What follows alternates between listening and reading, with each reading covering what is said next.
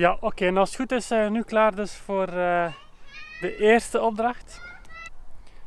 Ik had gezegd eh, in de vorige, in, in de inleiding eigenlijk van die drie, eh drie foto-opdrachtreeks voor eh, absolute, als absolute beginnersreeks.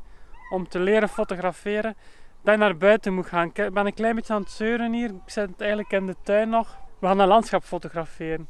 En dat landschap, hier ben ik nu met een eh, natuurlandschap bezig, maar dat hoeft niet per se een natuurlandschap te zijn. Dat mag ook een stadslandschap zijn. Ehm, eigenlijk het enige dat belangrijk is voor die foto is dat het eh, een, ehm, een uitgestrekte foto, dus een foto is van een uitgestrekt gebied. Dus zoals dat hier ziet, eh, ik heb in de verte daar een, een bos, ik heb hiervoor een stuk grond enzovoort. Ik ga mijn XT1 daarvoor gebruiken. Ik heb in de vorige les ook eh, uitgelegd dat je gelijk welke camera kunt gebruiken. Dat wel een voordeel is van een camera met een verwisselbare lens te gebruiken. Dat is hier het geval. Als je een zoomlens gebruikt, dan kun je voor een landschap ehm, best op een, ehm, op een zo klein mogelijk getal, dus zo kort mogelijke lens. Dus als hem uitschuift, als je in of uitzoomt, dan ga je naar tele. Als hem, als hem eh, korter wordt, dan zit hij met een kortere brandpuntsafstand. Hier is 35, ik zou eigenlijk nog beter naar een 23 mm gaan, of misschien zelfs een 16 mm. En dan de eerste stap, eigenlijk bij elke foto dat je maakt, is de eerste stap. En daarvoor gaan we eigenlijk terug naar, ehm, naar het analoge tijdperk. Dan, het eerste wat hij deed was een filmpje kiezen. Dus voor een bepaalde opdracht koos je een, of ja, iets dat je wou fotograferen, koos je één of meerdere filmpjes van eh, 24 of 36 opnamen. Of had zo van die filmpjes met 36 plus zoveel gratis opnamen. Ehm, maar, ehm, dus dat is eigenlijk het belangrijkste, dat we, we zijn nu overstapt op digitaal. Maar we hebben nog altijd het gegeven van die ISO-waarde. Op zo'n filmpje stond er altijd een ISO-waarde. Dat kon ook aangeduid staan als ASA of heel vroeger zelf als DIN. Maar de meest gebruikte, en zeker de dag van vandaag, de meest gebruikte afkorting is de ISO. Dat is eigenlijk hoe gevoelig dat ons filmpje of onze sensor is voor licht. Als ik hier even... Dus het verschil met digitaal en analoog, vroeger koos je een filmpje. Vandaag sta je dat gewoon in op je camera. Hier bij deze camera heb ik hier een knop waarmee dat ik mijn ISO-waarde kan instellen. Wij gaan een ISO-waarde van 200 kiezen. En dat is eigenlijk een beetje de reden dat ik eh, vooropgesteld had dat we de foto's buiten gingen maken, omdat je dan eh, veel gemakkelijker de juiste instellingen kunt kiezen. En dan is ISO 200 ook genoeg. Als je binnen foto's wilt maken, moet je al snel naar ISO 400 of ISO 800 gaan. Het is wel zo, ISO dat stel je niet in bij elke foto. De bedoeling is dat je de ISO één keer instelt, zoals dat je één keer een filmpje zou gekozen hebben vroeger. 24 en ze- of 36 opnames zou gemaakt hebben en dan een nieuw filmpje kiezen met eventueel een andere ISO-waarde.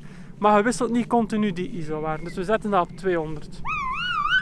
En dan gaan we verder met de rest van de instellingen. En we gaan die instellingen we gaan eigenlijk manueel belichten. Dus ik heb de vorige keer al gezegd dat we die IM-stand gingen gebruiken. We hebben een ISO-waarde van 200 gekozen, wat dat genoeg is voor buiten. Eh, van ISO moet je vooral onthouden dat hoe hoger dat je gaat, eh, hoe minder licht dat je nodig hebt, maar ook, pas op, hoe minder eh, mooi dat je beeld wordt van kwaliteit. En de meeste sensors hebben de beste kwaliteit dan ISO 200. Eh, dus dat is ingesteld. Dan gaan we ehm, een kadrering maken. Dus ik heb, ik heb hier mijn statief opgesteld, zoals je ziet. En ik heb daarbij ook, als ik even ga kijken naar de camera, kijk, ik heb hier nu een kadrering gemaakt. Dus we hebben al een lens gekozen, we hebben al een filmpje gekozen. Allee, eigenlijk een ISO-waarde gekozen. Het is fris vandaag. Ehm, nu gaan we de scherpstelling instellen. Dus wacht, we gaan even hier van voor is bij deze camera. We gaan voor het gemak houden op ehm, manueel scherp stellen. We hebben een landschap, dus we weten dat we eigenlijk zoveel mogelijk scherp willen. En we gerust op oneindig kunnen scherp stellen. Dus dan gaan we hier, bij die camera, is hier een knopje. S van single focus, autofocus. C van continuous autofocus, dus continu aanpassen van het autofocus systeem. En M van de manuele scherpstelling. We gaan de manuele scherpstelling gebruiken. En bij Fujifilm is het zo dat je dan... Kijk, je ziet hier van onder zie je een baar lopen. En als ik aan de focusring draai van de camera, dat is hier de focusring, bij deze dat deze. Als je een eh, zoomring hebt, hoe kijken wat dat de focus en wat dat de ehm, zoomring is. Maar hier is dat de focusring. Dan ga je die waarde daar, als het goed is, ook de hele tijd zien, eh, zien veranderen. Maar we willen eh, op oneindig.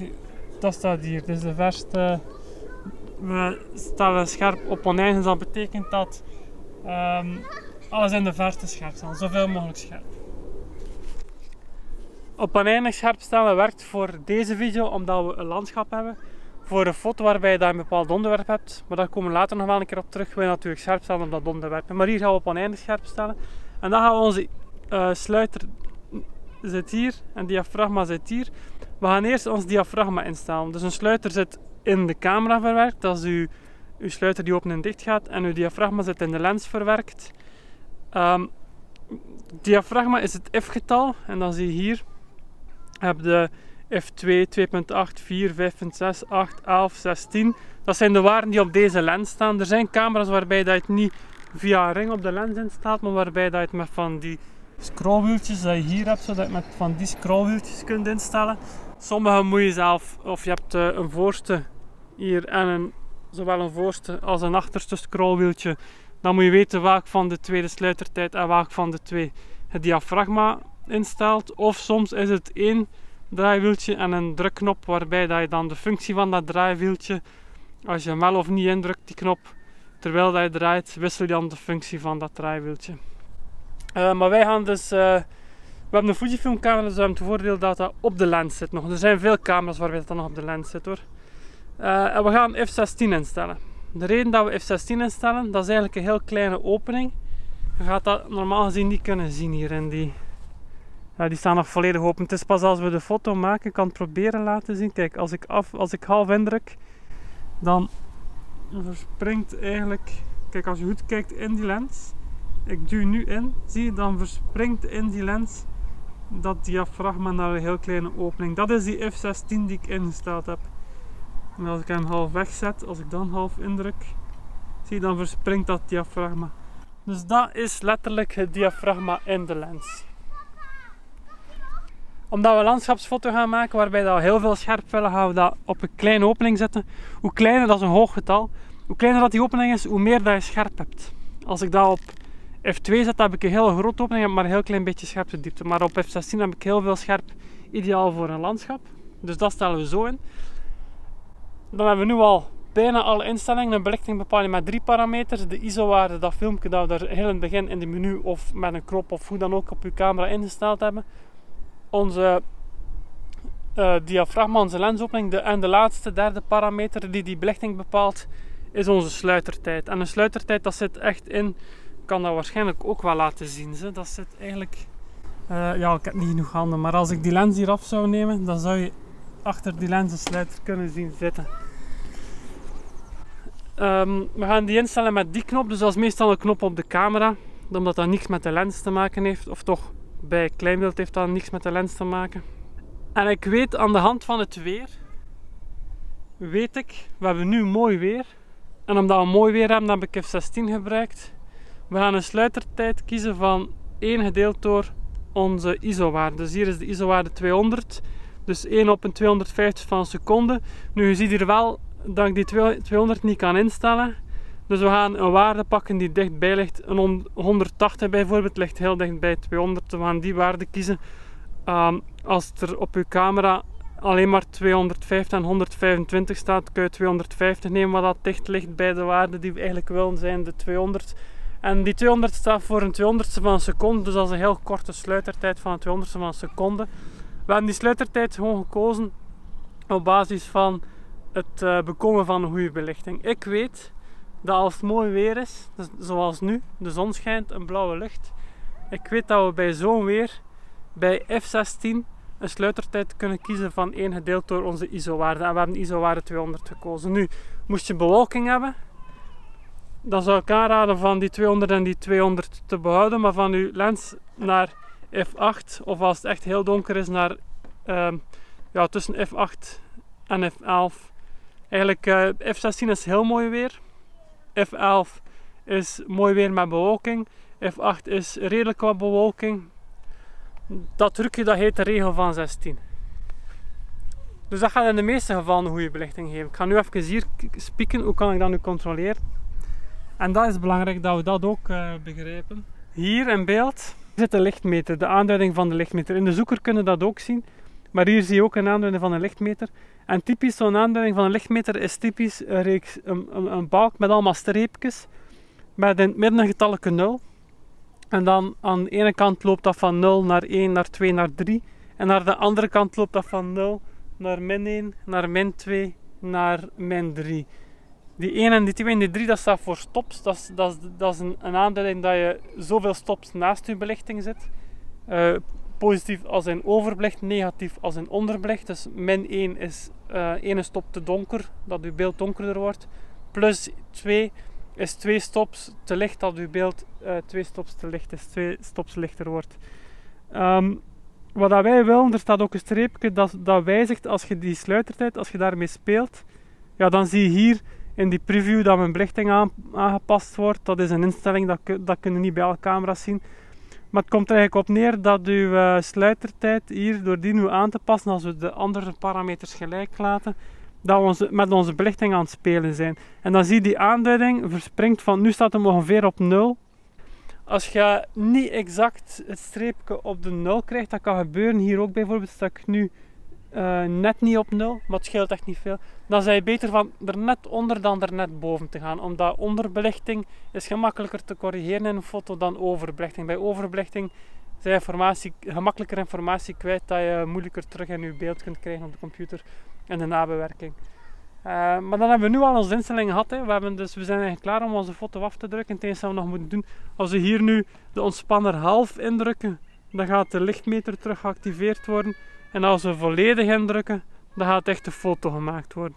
Moest je nu, wij hebben hier nu onze, ons autofocus systeem eigenlijk uitgeschakeld door op manueel uh, scherp te stellen. Maar moest je hier nu op single of continu ingesteld hebben, dan zou je als je de half indrukt, dan zou dat scherpstelsysteem ook aan het werken zijn. Dus dat activeert eigenlijk je half indrukken, activeert je camera in de zin van als het scherm uitgegaan is, gaat je scherm terug aan uw lichtmeter wordt terug geactiveerd, uw autofocus wordt terug geactiveerd, dat soort dingen. En als je hem volledig indrukt, dan wordt de foto gemaakt. Dus zo maak je dan echt uw foto. En als het goed is, hebben we nu een landschapsfoto gemaakt. We hebben een landschapsfoto gemaakt waarbij dat we zelf onze instellingen gekozen hebben. En we hebben niet zomaar instellingen gekozen. We hebben naar onze lichtmeter gekeken.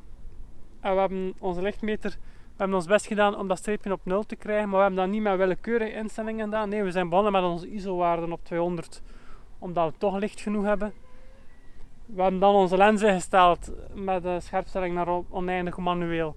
Plus dat we ook ons diafragma ingesteld hebben, waarbij dat we heel veel scherp hebben. We hebben dat landschap hier dat we willen fotograferen. En dan hebben we met onze sluitertijd gespeeld, om, om, omdat die sluitertijd niet zo belangrijk is bij deze foto om onze belichting goed te krijgen. Dat zijn de dingen die we, die we ingesteld hebben. En zo leer je dus een foto te maken met heel specifieke bewuste instellingen. Wat we nog niet gedaan hebben nu in deze les is een mooie compositie gemaakt hebben. We hebben nog niet gekeken naar het moment wat dat belangrijk is van opname. Uh, het vormen van een eigen uh, fotografiestijl enzovoort. Er zijn nog allemaal veel meer parameters dan alleen die technische goede belichting en, en, en scherpstelling. Uh, mooi licht is ook een. Ik denk er zijn nog drie parameters. De compositie, mooi licht en het moment. Dat zijn naast het technische aspect nog drie belangrijke elementen voor een goede foto. Maar dat leerde pas achteraf door veel foto's te maken, door veel dingen te proberen, door veel foto's te bekijken. Maar je moet eerst die technische kennis moet je eerst goed hebben. En dat is wat we hier nu gedaan hebben. Uh, in de volgende les, dus we gaan hier niet stoppen natuurlijk. In deze insta Allee, bij deze les hebben we echt heel specifiek voor een landschap ingesteld. De volgende keer gaan we dus een foto maken opnieuw buiten. Voor die gemakkelijke instellingen. Of, voor genoeg, om genoeg licht te hebben. Maar we gaan ons concentreren op een detail. Dus dat gaat een, ander, uh, een andere foto zijn. Ik ben er nog niet helemaal uit. We kunnen daar een portret van maken bijvoorbeeld. Ik denk dat dat wel het interessantste is dat we dan een portretfoto maken. Wat dat eigenlijk een detail is in de zin van detail van een hoofd. En dan in de derde en laatste les gaan we een foto maken waarbij dat we met um, bewegende onderwerpen gaan werken. Dat zal je nog wel zien, dat heeft dan weer... Um, waar dat de eerste twee lessen belangrijk zijn als het gaat over de lensopening, over dat diafragma, zal de laatste les zal belangrijker zijn welke sluitertijd dat we kiezen. Ah, kijk, je ziet trouwens dat ik inderdaad met F16 um, zo goed als op een, een sluitertijd van 1 gedeeld door de ISO-waarde zit. Het bewijs dat de regel van 16 werkt. En daarmee gaan we afsluiten. Dat is een mooie manier om af te ronden. Bedankt voor het kijken en graag tot, uh, tot de volgende. Papa, wil je mij klimmen? Want ik kan Ja, niet zal je helpen.